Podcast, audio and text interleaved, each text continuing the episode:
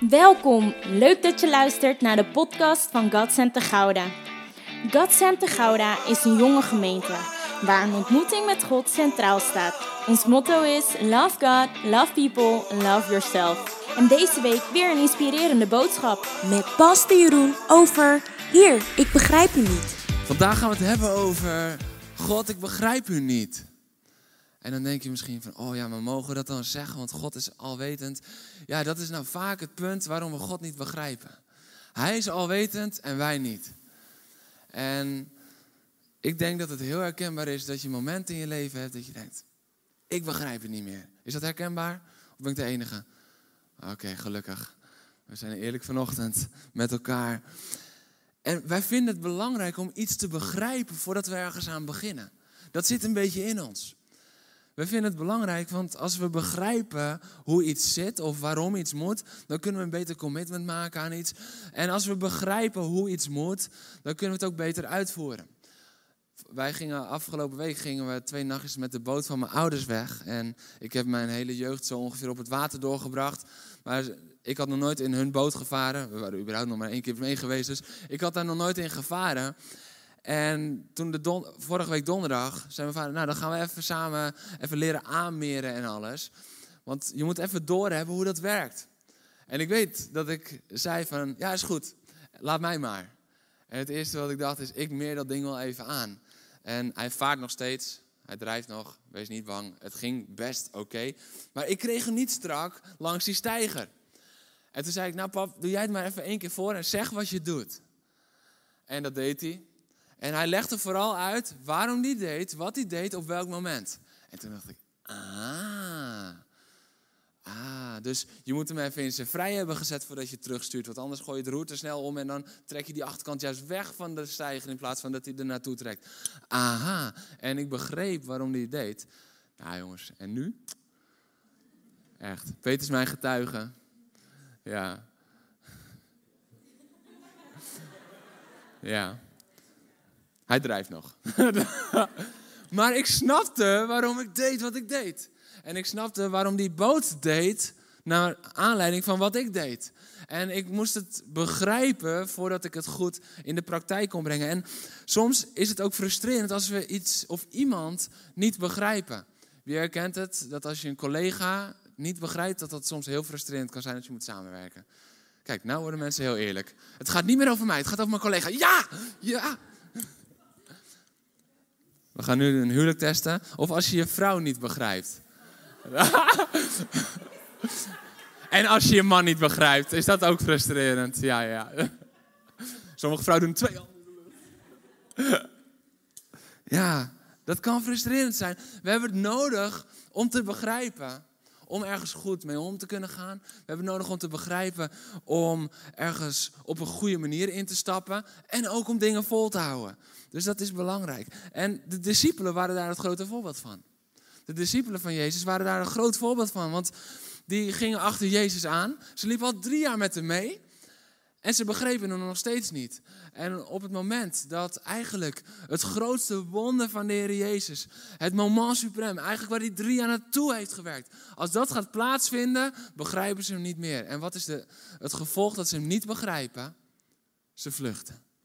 Oké, we hebben Petrus, die slaat nog het oor af van een slaaf van de hoge priester. Die slaat nog een oor af en dan komt Jezus. Wees genezen. Nou, dan weet Petrus het helemaal niet meer. Dan, dan snapt hij er helemaal niks meer van. Heer, u zou toch koning worden? Heer, u zou toch de heerschappij herstellen? Heer, u zou toch... En ze hebben hetzelfde doel voor ogen, maar omdat ze niet begrijpen, snappen ze de weg ernaartoe niet. En dat is wat er gebeurt bij de discipelen. En uiteindelijk vluchten ze allemaal. Ook Petrus uiteindelijk. Hij vlucht voor de realiteit van de weg van Jezus. Omdat ze niet begrijpen, vluchten ze voor God. En dat is wat ik heb ontdekt. Dat waar we God niet begrijpen, maar van ons eigen inzicht uitgaan, gaan we voor God vluchten. En dat is gevaarlijk voor ons eigen leven, want dan gaan we onze bestemming en ons doel missen. Maar hoe vaak vluchten we niet voor God? Je kan hier al jaren in de kerk zijn en toch kan je stiekem een klein beetje op de vlucht zijn voor God. Door niet open te staan voor wat Hij wil doen, omdat je niet begrijpt waarom Hij dat wil. En als we daarin zijn hart niet leren kennen en herkennen en erkennen, dan kunnen we er tegenaan blijven lopen. En dan is het misschien wel heel herkenbaar dat er momenten zijn dat we God niet begrijpen. Maar dat we vluchten voor God, zoals de discipelen vluchten van Jezus op dat moment. Ze vluchten, weet je, op zo'n moment lijkt het alsof ze vluchten voor de Romeinen. Van ja, want die kunnen ons pakken. Maar eigenlijk vluchten ze daar ook van Jezus weg. Ze vluchten niet alleen voor de Romeinen, ze vluchten ook van Jezus. Waarom? Ze begrijpen hem niet meer. En hoe herkenbaar is het dat op het moment dat we God even echt niet meer begrijpen, dat we eigenlijk een beetje van hem vluchten. Dat we het niet zien, dat we denken, oké, ik moet hier wegwezen. Dat we eigenlijk weglopen van God. En op het moment dat we hem niet begrijpen, kunnen we drie keuzes maken. De eerste is dus vluchten. De tweede is, we proberen hem dieper te leren kennen, waardoor we hem gaan begrijpen. Dus we proberen zijn hart te ontdekken, waardoor we zijn wegen gaan begrijpen. Dat is optie 2. En optie 3 is, we besluiten hem te volgen voordat we hem begrijpen. En vertrouwen erop dat het zal komen en hebben er vrede mee als dat niet het geval is. Kunnen we er vrede mee hebben als we God ook niet in de toekomst gaan begrijpen? Kunnen we er vrede mee hebben als we hem blind achteraan gaan, omdat we vertrouwen op zijn karakter en daardoor hoeven we zijn wegen niet te begrijpen? Maar we gaan het toch? En weet je, het is makkelijk als we nu zeggen, weet je, als ik nu zeg van, ja, en dan, dan komt dat wel. En dan komt altijd dat begrip van hoe hij gaat, maar als het dan niet komt, ben je dan ook bereid om achter hem aan te gaan? Ook bereid om blind hem te volgen, ook als je het niet gaat begrijpen? Op basis van dat je zijn karakter kent. En ik geloof dat optie 2 en 3 daarin even belangrijk zijn. Hem beter leren kennen, zijn hart dieper doorgronden en blind achter hem aan durven gaan voordat je dat hart misschien beter hebt leren kennen. En de combinatie daarvan zorgt voor toewijding aan de plannen die we niet begrijpen en inzicht waardoor we het hart van God eerder gaan begrijpen. En er was iemand in de Bijbel die hier behoorlijk mee worstelde. En dat was Jona. En ik moest zo lachen dat we net Oceans zongen. Ja, Heer, leer mij lopen op het water. Ik denk dat Jona dat ook heeft gebeden. Heer, niet die vis, laat mij maar lopen op het water. Maar Jona begreep het hart van God niet. En hij begreep de wegen van God niet. En daaruit gaan we lezen. We gaan lezen Jona 1, vers 1 tot 3 en Jona 4, vers 1 tot 4. En ik wil vragen om op te staan voor het woord van God met elkaar. Jona, een indrukwekkende geschiedenis, een heel klein boekje in de Bijbel. Eens richtte de Heer zich tot Jona, de zoon van Amittai. Maak je gereed en ga naar Nineveh, die grote stad, om haar aan te klagen, want het kwaad dat ze daar doen is ten hemel schrijend. Dus de hemel huilt gewoon over het kwaad dat ze daar doen. Dat is echt een heftige stad. Dat is echt een goddeloze stad. Dat is een stad waar heel veel kwaad gebeurt. En dan staat er, dat vind ik zo mooi. Dan staat er, Jona maakte zich gereed. En dan denk je, als je het kinderliedje niet kent, denk je, Jona gaat nu. Hij gaat naar Nineveh. Maar nee, Jona maakte zich gereed, maar. We hebben het vorige week gehad over de maar. Op het moment dat er een maar komt, komt er altijd een kink in de kabel. Maar hij vluchtte naar Tarsis, weg van de Heer. Hij ging naar Javo en vond er een schip met de bestemming Tarsis. Hij betaalde de overtocht en ging aan boord om mee te varen naar Tarsis, weg van de Heer. Dan maken we een sprongetje in het verhaal. Neem ik je zo direct in mee. Maar Nineveh is gered. Spoiler alert. Dat is wel de kortste samenvatting van het boek Jona ooit. Nineveh is gered. Drie woorden. Oké, maar Nineveh is gered en dit werkte grote ergernis bij Jona. En hij werd kwaad. Hij bad tot de Heer, ach Heer, heb ik het niet gezegd toen ik nog thuis was? Daarom wilde ik naar Tarsis vluchten. Ik wist wel, u bent een God die genadig is en liefdevol, geduldig en trouw en tot vergeving bereid. Voel je gewoon die bittere smaak van Jona terwijl hij deze krachtige mooie woorden noemt? Ik wist het wel. Daarom wilde ik niet gaan, daarom wilde ik thuis blijven. Ik heb het u toch gezegd toen ik nog thuis was. U bent een God die genadig is en liefdevol, geduldig en trouw en tot vergeving bereid. Laat mij maar sterven. Oké, weet je, we kunnen momenten hebben dat we God niet begrijpen, maar ik begrijp Jona hier even niet. Laat mij maar sterven. Heer, u bent genadig en liefdevol, u bent goed en trouw en tot vergeving bereid. Laat mij maar sterven. Ik kan hier niet mee omgaan, ik kan hier niet mee dealen. Heer, ik ben liever dood dan dat ik zo verder moet leven. Maar God zei, is het terecht dat jij zo kwaad bent? Gaan we lekker zitten.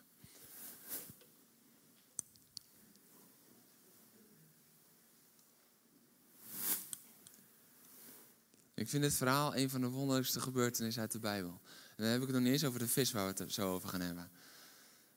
Maar gewoon de dynamiek tussen Jona en God. Tussen een profeet en zijn Heer. En God gebruikt Jona. Terwijl Jona eigenlijk helemaal niet gebruikt wil worden door God. En dat is niet omdat hij niet weet hoe God is, maar omdat hij dat niet begrijpt. Waarom God zo is. En dat is een groot verschil. Jij kan weten wie God is en hoe God is. Maar als je hem niet begrijpt, dan kan je alsnog voor hem op de vlucht slaan. En als ik aan Jona denk, dan denk ik eerlijk gezegd dan niet gelijk aan de wonderen, maar gewoon over de dynamiek in het verhaal tussen God en zijn kind. God en zijn profeet. God en Jona. En ik weet niet hoe het bij jou is, maar ik begrijp God ook niet altijd. Weet je, ik kan er soms niet over uit dat de liefste mensen de ergste ziektes krijgen. En daar worstel ik mee, want ik snap het niet. En ik kan er niet over uit dat we in een wereld leven dat er nog steeds kinderen sterven van de armoede.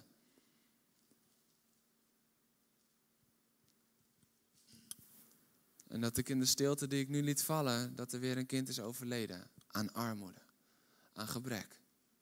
Elke vijf seconden. En ik kan er soms ook niet bij dat mensen heel voorspoedig zijn die slechte dingen doen. En dat mensen die goede dingen doen heel veel tegenspoed hebben. En ik snap het niet altijd. En ik worstel daar soms mee. Want dat begrijpen, dat kan ik niet. En God overstijgt dat. En daar hebben we net over gezongen. Maar soms hebben we die worsteling. En Jona zat ook in die worsteling. Jona zat ook in de worsteling dat hij God niet begreep. En wat ik dan zo interessant vind, is dat Jona hier niet wegliep voor zijn opdracht, maar hij liep weg van God. Jona zit in dezelfde worsteling. Hij snapt niet dat God aan Nineveh weer zijn goedheid en zijn trouw en zijn genade wil tonen. Want Nineveh, dat moet je weten, is niet zomaar een stad. Nineveh is een van de grootste steden van het Assyrische Rijk op dat moment. En het Assyrische Rijk en het Assyrische volk stond bekend als het gruwelijkste volk dat er was. Die spieste mensen om ze langzaam een pijnlijke dood te laten sterven. En soms deden ze dat met duizenden tegelijk. Het Assyrische volk was een luguber volk. En die hadden het ook op de Joden voorzien. Dus Jona, een Jood, Jona, een profeet van de Heer, die moet niet eens naar zijn eigen volk om een bepaald woord van God vrij te zetten. Nee, maar hij moet ook nog eens naar de vijand. En dan zien we misschien iets meer in perspectief waarom Jona niet zo happig was op deze opdracht van God. Want waarom zou je dat willen? Deze mensen hebben misschien wel je vrienden en je familie vermoord.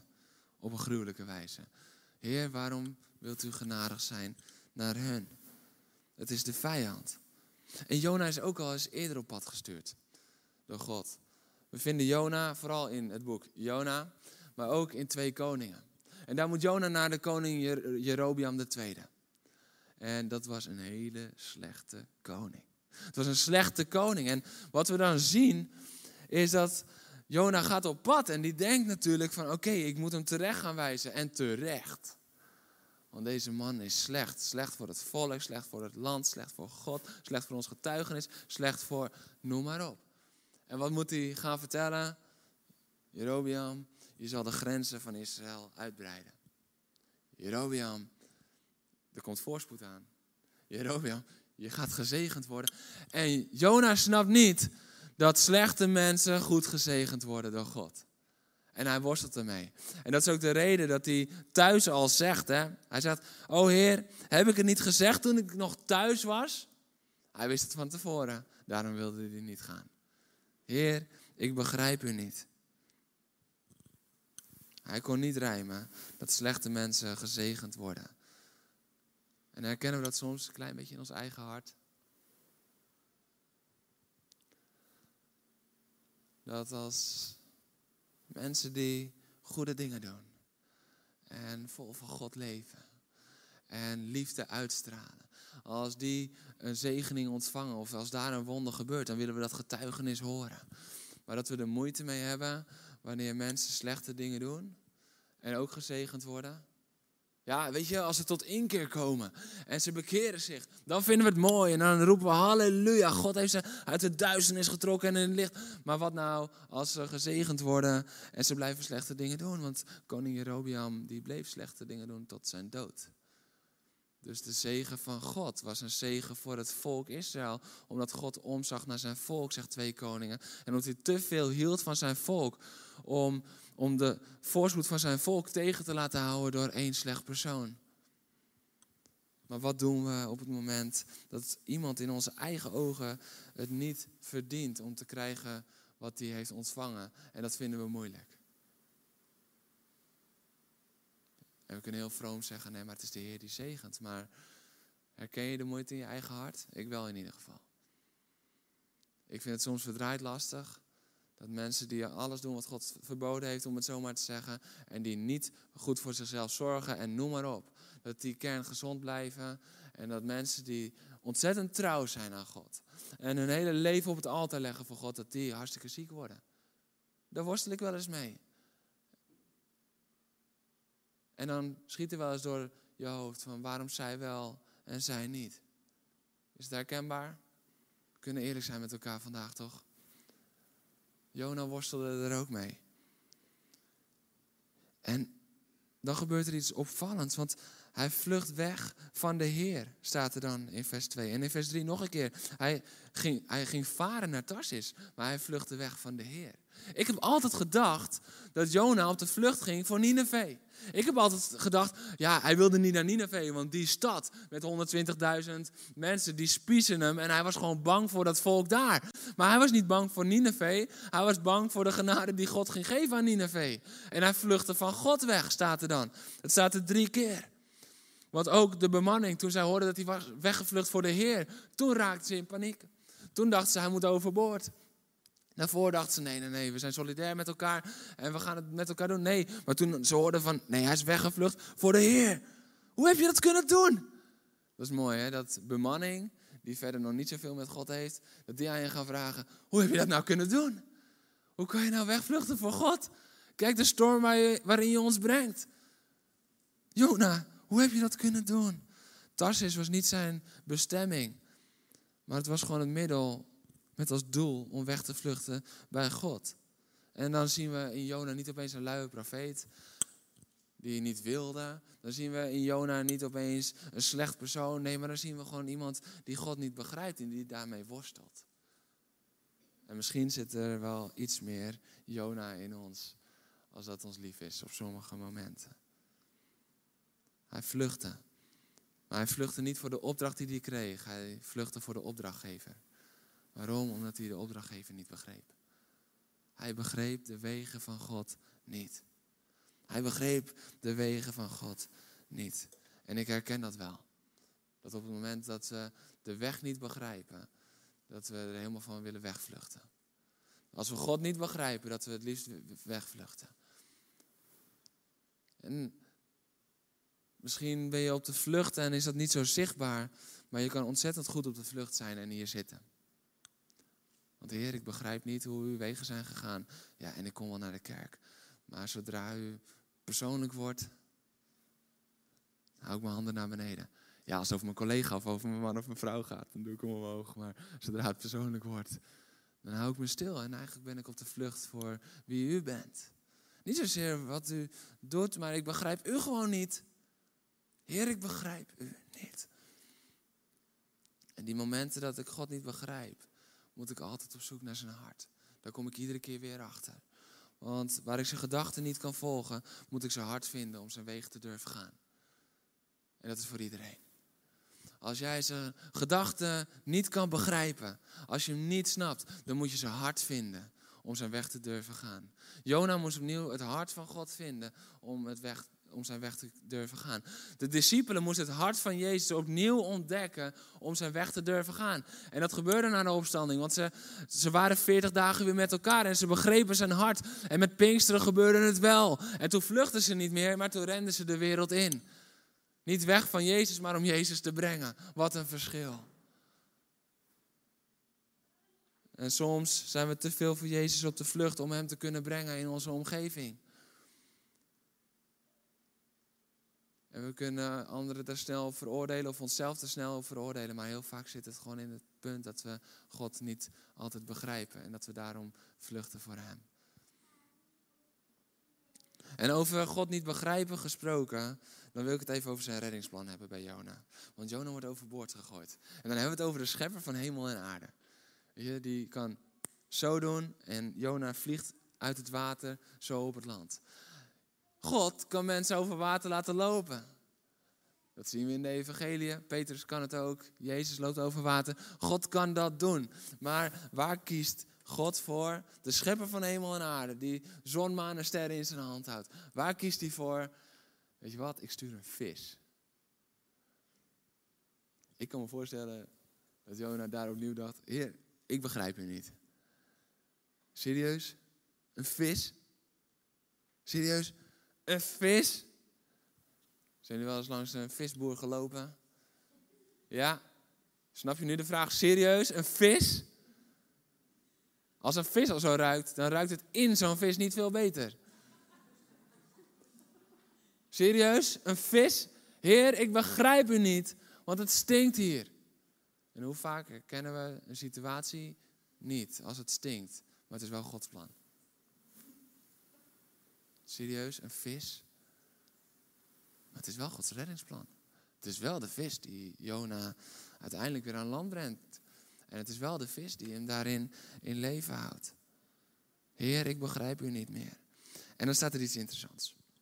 De Heer liet Jona opslokken door een grote vis. Drie dagen en drie nachten zat Jona in de buik van de vis. Toen begon hij in de buik van de vis tot de Heer, zijn God, te bidden. Ik denk dan alleen maar, wat? Begon Jona na drie dagen pas te bidden? In de buik van een vis? Oké, heer, ik begrijp u niet, maar ik begrijp Jona hier ook niet. Ik denk dat ik gelijk, nadat ik was opgeslokt, dat ik gelijk dacht: Oh heer, het spijt me. Heer, ik ga al naar Nineveh. Heer, sorry. Vergeef me. Kom tot me, red me. Maar Jona was zo verbitterd naar het karakter van God, omdat hij hem niet begreep, dat het hem drie dagen kostte om uiteindelijk uit te gaan roepen naar God. Drie dagen. Drie dagen wachten. En toen begon hij eindelijk te bidden. En in die diepe zee, in de buik van de vis, was het reddingsplan van God. En ten diepste, dat is wel interessant, was dat de veiligste plek waar Jona op dat moment kon zijn. Want Jona bidt, ik zink tot de bodem, waar de bergen oprijzen, naar het rijk dat zijn grendels voor goed achter mij sluit. Maar u trekt mij levend uit de dood omhoog, o Heer mijn God. Nu mijn levensadem mij verlaat, roep ik u aan. Nu wel. Uit de dood wordt Jona omhoog getrokken. Weet je, ik ben nu aan het studeren, ik ben daar nog niet helemaal uit over. Misschien was Jona wel dood voordat de vis hem opslokte en stond hij na drie dagen op. Dat kan ook. Dan zou de vergelijking met het teken van Jona, de Heer Jezus, die na drie dagen opstaat, zou nog duidelijker zijn. Want op zich, ik zat uh, wat research te doen en na anderhalve minuut ben je verdronken. Tegen de tijd dat je aan de bodem ik zink tot de bodem van de oceaan bent, de bodem van een meer bent, dat duurt langer dan anderhalve minuut. Dus misschien was hij al dood. En heeft God hem opgewekt in die vis. In die buik van de vis. Of all places. Maar hij bidt. En ik denk dat we vaak de buik van de vis kunnen zien als een straf van God, terwijl het zijn reddingsplan en zijn liefde was. We zien het als straf. Ja, het stinkt hier. Ja, dit is een slechte plek. Maar het was de redding van Jona. Het was de plek waar hij gered werd. Gered werd van de dood. En dan komt dat moment aan het einde van zijn gebed, aan het einde van hoofdstuk 2, dat hij zegt: Het is de Heer die redt. En dan staat er: Toen, toen Jona dat eindelijk bad, toen hij eindelijk erkende: Heer, u bent het die redt. Toen die beleidenis weer kwam, toen dat hart van Jona weer geopend was, op dat moment gaf God het bevel en spuugde de vis Jona uit op het land. Op dat moment. Toen, toen Jona zover was. Wat ik mooi vind, is daaruit kan je opmaken dat de vis was al aan het land. God was al klaar om hem het land op te sturen, maar wachtte tot de beleidenis van Jona. Het beleiden van God die redt, nog voordat je redding is gekomen. Dat moment van overgave, dat moment was waar Jona niet meer vluchtte voor God omdat hij niet begreep. Maar waar hij hem erkende zonder hem te begrijpen. Ik kan me niet voorstellen dat Jona hem begreep in de buik van de vis. Maar hij erkende God als de God die redt. Nog in de buik van de vis. Nog voordat hij werd uitgespuugd. Nog voordat hij het kon begrijpen. En wat doen we als wij in de buik van de vis zitten? Iedereen heeft momenten als Jona. In de buik van een vis. Het is God die jou redt. Maar je ziet het nog niet. Je ruikt het nog niet. Want de plek waar je bent stinkt. Maar het is de veiligste plek waar je kan zijn. Want beter ben je in de buik van een vis in de oceaan als op de bodem van de oceaan. Wat als we God niet begrijpen in zijn wegen? En Jona die zegt, ja, ik ga naar Nineveh. En hij predikt daar. Jona predikt daar tot een stad van 120.000 mensen. En als ik dat stuk lees, dan word ik enthousiast. Ik heb dat laatst heel kort benoemd op, de gebedsdienst op een woensdagavond. Maar maar moet je opletten. Jona die predikt en dan predikt hij nog niet eens heel erg veel genade of liefde. Of hij komt nog niet eens met het goede nieuws. De Heer Jezus was hier nog niet gekomen. Hij had nog niet Jezus om op terug te vallen. Maar hij predikt het woord van God. En dat was toen zelfs nog een woord van veroordeling. Maar wat is het gevolg van zijn preek? Dat een hele stad inclusief de koning die dat uitroept. Een hele stad die roept een vaste uit, die roept bekering uit en die, die, die keren zich helemaal om van de weg die ze aan het wandelen zijn. Een hele stad die keert zich om van de slechte daden en gaat goede daden doen. Een hele stad die erkent God, gaat op zijn knieën en bidt. En wat zou je dan doen als je mag preken tot een volk? En het resultaat is dat 120.000 man, een hele stad, dat die zich bekeert. Ik weet niet man, maar ik zou, oh, ik zou helemaal uit mijn pan gaan. Ik zou, glorie, halleluja. Ik zou denk ik de hele weg terug naar waar ik vandaan kwam zo lopen. Tot ik de blaren op mijn voeten had. En mijn handen niet meer omhoog kon houden omdat ik spierpijn had. Halleluja, Heer, u bent goed. Halleluja, Heer, u bent groot. Halleluja. Maar Jona niet. Jona is boos. Jona is boos. Waarom? Omdat hij het hart van God niet begrijpt. En soms kunnen we de grootste getuigenissen, soms kunnen we de grootste opwekkingen, kunnen we boos om raken of kunnen we afstand van nemen omdat we het hart van God niet snappen. Maar hij wil zijn hart aan jou openbaren. Hij predikt het woord van God. Het gevolg van die prediking is bekering, berouw, vasten, bidden, God aanroepen. De mantels worden afgelegd. We hebben het vorige week gehad over de mantel die je kan afleggen. De koning, dat is mooi hè, doet zijn staatsgewaad doet hij af en hij doet een rouwkleed om. Waarom? Om te rouwen over de zonde die ze hadden gedaan en om zich te onderwerpen aan God. Hij zegt dan, ik ben hier niet meer de koning, maar u bent de koning. Dat is wat er gebeurt.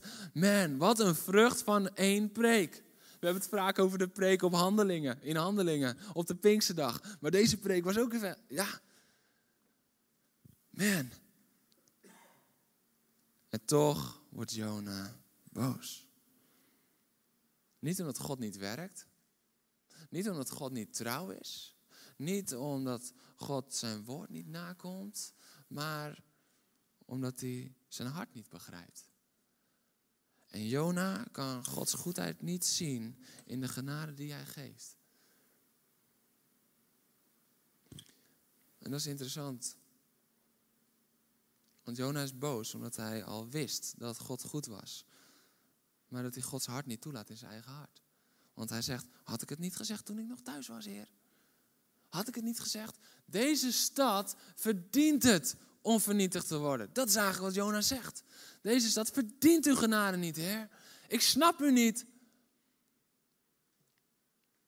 Maar Gods hart is altijd ruimer als jouw hart. En dat is me goed ook. Ik ben heel dankbaar dat Gods hart ruimer is als mijn hart. Want ik moet mijn hart regelmatig laten corrigeren door het hart van God.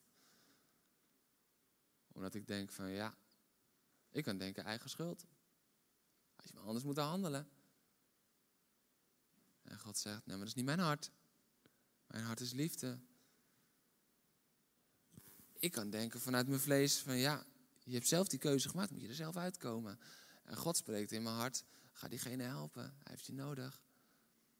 Dat is het verschil tussen Gods hart en mijn hart. En ik denk dat mijn hart niet altijd heel ver van jouw hart af ligt. Maar begrijpen we Gods hart en wat doen we als we zijn hart niet begrijpen? Want weet je wat ik het bijzondere vind? Jona kent God wel. Ik wist het wel, u bent een God die genadig is en liefdevol, geduldig en trouw en tot vergeving bereid. Ik vind veel mooiere beschrijvingen van God zijn er niet. Toch? Ik vind dat hij het goed, Gods karakter heeft samengevat. Ik vind dat hij goed Gods hart heeft vertolkt. Dit is prachtig. Dit is het evangelie. Jona, je begrijpt het. Maar waarom ben je dan zo boos? Omdat je niet begrijpt waarom God zo is. En waarom hij dan ook zo doet. Hij ziet de wegen van God, maar hij begrijpt het hart niet. En ik denk dat die vraag soms dichterbij ligt. Als dat we denken, want zijn we zoals Jona of zijn we zoals Jezus? Van Jona naar Jezus. Dat is de stap die ik regelmatig moet maken. Dat ik denk, Heer. En dat God zegt, maar mijn zoon kijkt er zo naar. Jeroen, ik kijk er zo naar. Oké, laat me uw hart zien hierin. Want ik heb uw hart nodig. Ik heb uw hart nodig. Ik heb u heel hard nodig om uw hart te pakken. Ik heb u heel hard nodig om in liefde te leven. Ik heb u heel hard nodig om uw wegen te kunnen gaan. Want op het moment dat ik uw hart niet pak, dan wil ik wel naar hetzelfde einddoel, maar ik begrijp uw wegen niet en dan ga ik het op mijn eigen manier proberen. Dat is het gevolg als je het hart niet pakt. De discipelen hadden hetzelfde einddoel als Jezus. Jezus moest koning worden. Hetzelfde einddoel. Maar op een andere manier. Zij dachten we moeten de Romeinen verslaan. Jezus dacht we moeten de dood verslaan. Wat ben ik blij dat we voor de weg van Jezus zijn gegaan. En dat de discipelen niet het laatste woord hadden. En wat ben ik blij dat ze daarna het hart van Jezus hebben gepakt in de 40 dagen na de opstanding. Dat ze hem leerden begrijpen en dat ze begrepen waarom hij deed wat hij deed. Dat ze daarom zijn goede nieuws konden verkondigen. Op dezelfde manier zoals hij dat deed. Op een nederige manier. In liefde, zonder veroordeling. Want dat is Jezus. Zijn we als Jona of zijn we als Jezus? Want het interessant is, er vinden hier twee reddingen plaats. De eerste keer wordt Jona gered en de tweede keer wordt Nineveh gered. Maar Jona vindt het verdraaid moeilijk om als Nineveh gered wordt. In te zien dat zij dezelfde redding nodig hadden als dat hij dat had. Want hij was ook gevlucht voor God. Hij was ook gevlucht voor de Heer. Dat staat drie keer opgeschreven. Hij was gevlucht voor de Heer en hij had daar redding van nodig. Zoals Nineveh ook was gevlucht voor de Heer en weggelopen was van de Heer. Ze hadden dezelfde redding nodig. Maar in zijn ogen waren zij erger als hij. Terwijl God zegt, ik heb genade gehad met jou. Ik heb genade met deze stad. Ik heb liefde voor jou. Ik heb liefde voor deze stad. Mijn hart klopt voor jou. Mijn hart klopt voor deze stad. Maar herkennen we Gods hart. God verlangt ernaar zijn hart te openbaren. Zodat we zijn wegen gaan wandelen. Zonder zijn hart te begrijpen, zullen we zijn wegen nooit gaan bewandelen. En als we God dan niet begrijpen, dan hebben we drie keuzes. Ik wil ze nog één keer aan je voorleggen. De eerste is, we vluchten. We doen een Jonaatje.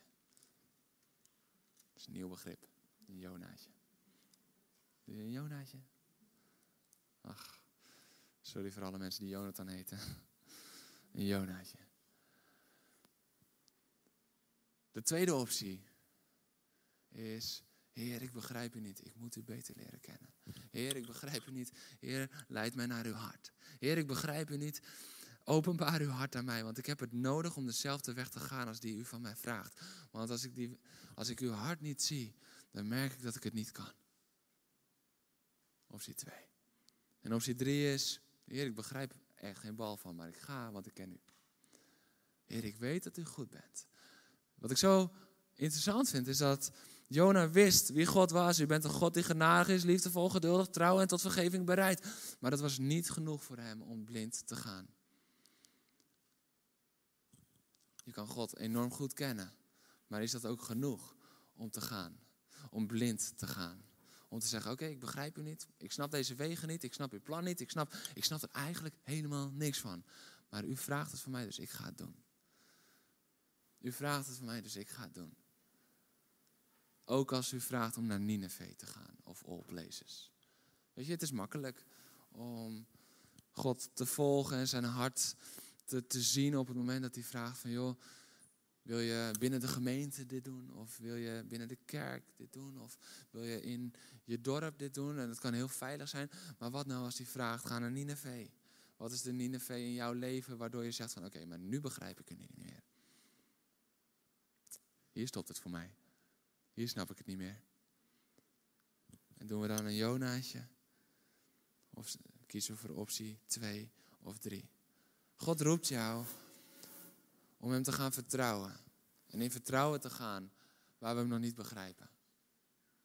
Wij hebben geen begrip nodig. Ja, menselijk gezien hebben we begrip nodig. Maar zijn hart gaat boven elk begrip uit. Dus wij hoeven niet altijd te begrijpen. We hoeven niet altijd te begrijpen als we in geloof durven gaan. En laat het feit dat je hem niet begrijpt je niet langer tegenhouden om te doen wat hij zegt. Want God wil vandaag zijn hart laten zien aan jou. En dat doet hij ook bij Jona, weet je dat? Ik vind het zo mooi. Jona zit daar boos in de brandende zon. Hij zit te wachten. Ergens hoopt hij waarschijnlijk dat Nineveh alsnog wordt omgekeerd en hij zit op een heuveltje te wachten en het is bloedheet. En wat doet God? Hij laat een wonderboom opkomen. Een dag later laat hij die wonderboom ook weer sterven. Wordt Jona nog bozer. Heer, waarom? Maar ik vind het zo mooi. God geeft die wonderboom niet om Jona te verlichten in zijn situatie. God geeft die wonderboom omdat hij ook dood moet gaan, zodat hij zijn hart kan laten zien aan Jona. En dat is veel belangrijker. Dat is veel belangrijker dat we zijn hart gaan zien. Want God zegt dan in hoofdstuk 4: hey, Jona, als jij al verdriet hebt om die wonderboom, maar jij hebt daar geen enkele moeite voor hoeven doen. Je hoeft hem niet te laten groeien. Een plant die één, in één nacht opkwam en in één nacht verging. Dus hij heeft daar één dag gestaan. Als je daar al zoveel verdriet om hebt.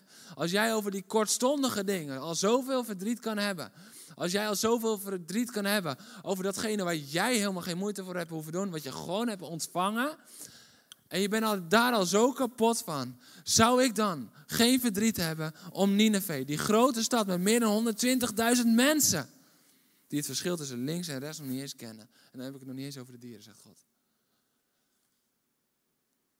In één keer wordt Nineveh niet meer die grote woeste stad. Nee, maar in één keer wordt Nineveh 120.000 mensen die het verschil tussen links en rechts nog niet eens weten. Die hulpbehoevend zijn. Weet je, als je het verschil tussen links en rechts niet weet, wat betekent dat? Dat ze stuurloos zijn. En in één keer wordt Nineveh een soort Sodom en Gomorra, waar we eigenlijk van een afstandje zouden zeggen van, oh, die zijn echt slecht bezig. Man, waren ze maar als ons. Zo zouden we bijna kunnen denken als christenen. Maar in één keer wordt dat niet meer zo'n slecht volk, maar het wordt een hulpeloos, stuurloos, hulpbehoevend volk van 120.000 man. En in één keer is dat grote kwaad. Zijn 120.000 potentiële kinderen van God geworden. Dat is het hart van onze God. Dat is het hart dat geopenbaard moet worden. Ik vraag of de muziek alvast naar voren komt.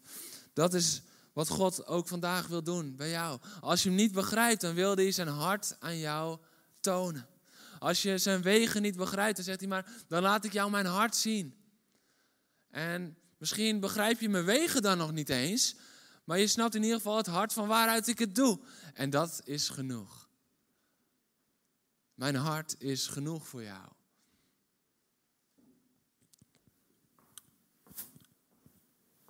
Als je Gods hart ontdekt en vertrouwt, hoef je zijn wegen niet meer te begrijpen. En Jona was hardleers. Jona was hardleers, maar het eindigt hier met een nieuwe openbaring van zijn hart. Van Gods hart. En ik geloof dat God ook zo vanochtend wil eindigen. Met een nieuwe openbaring van zijn hart. Hij wil je laten zien. Maar ik ben goed. En ik ben trouw en ik ben liefdevol en ik ben geduldig en ik ben genadig. En misschien weet je dat al. Maar ik ben dat niet alleen voor jou, maar ik ben dat ook voor anderen.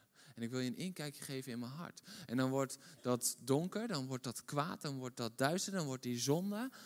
Dat wordt dan opeens niet meer zo'n algemeen ding, maar daar verschijnen weer mensen. Waar het hart van God zichtbaar wordt. Wordt zonde, wordt weer mens. Wordt een probleem, wordt weer mens. Wordt kwaad, wordt weer mens. Wordt duister, wordt weer mens. Waarom? Omdat God kijkt daar niet zo naar. En hij wil jouw hart daarin transformeren naar zijn hart. Jona had het niet begrepen. Hij predikte tegen die stad alsof de stad een voldongen kwaad was.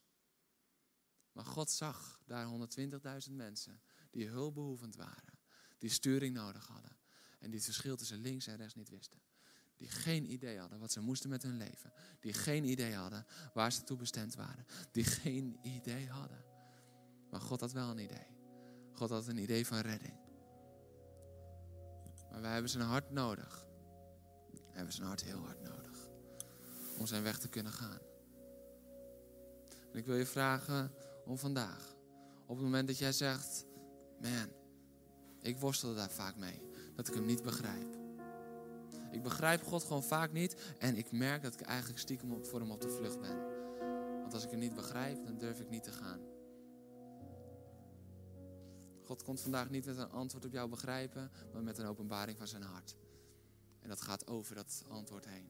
Er is geen antwoord op de wereld dat completer is als een openbaring van zijn hart. En ik wil je vragen, als jij daarmee worstelt, misschien ben je op de vlucht voor God, misschien ben je af en toe iets meer vanuit het hart van Jona als het hart van Jezus aan het oordelen. Ik wil vragen of je een moment gaat staan en dan willen we een nummer met elkaar zingen. Hier zijn wij als levend offer, Heer. Heilig en aangenaam voor u. Hier zijn wij. Ook al begrijpen we het misschien niet, ook al zien we het misschien niet, maar Heer, ik verlang naar een openbaring van uw hart. Ik wil vragen, als het voor jou is om nu te gaan staan, dan zal ik eerst bidden en dan zullen we het met elkaar uitzingen. We hopen dat deze boodschap je geïnspireerd, geactiveerd en gemotiveerd heeft in je wandel met God. Deel deze boodschap ook op je socials, zodat vele anderen met jou hierdoor geïnspireerd mogen worden. Ontmoeten we elkaar snel een keer in een van onze diensten? Zondag om half tien of om kwart voor twaalf in God Center Gouda.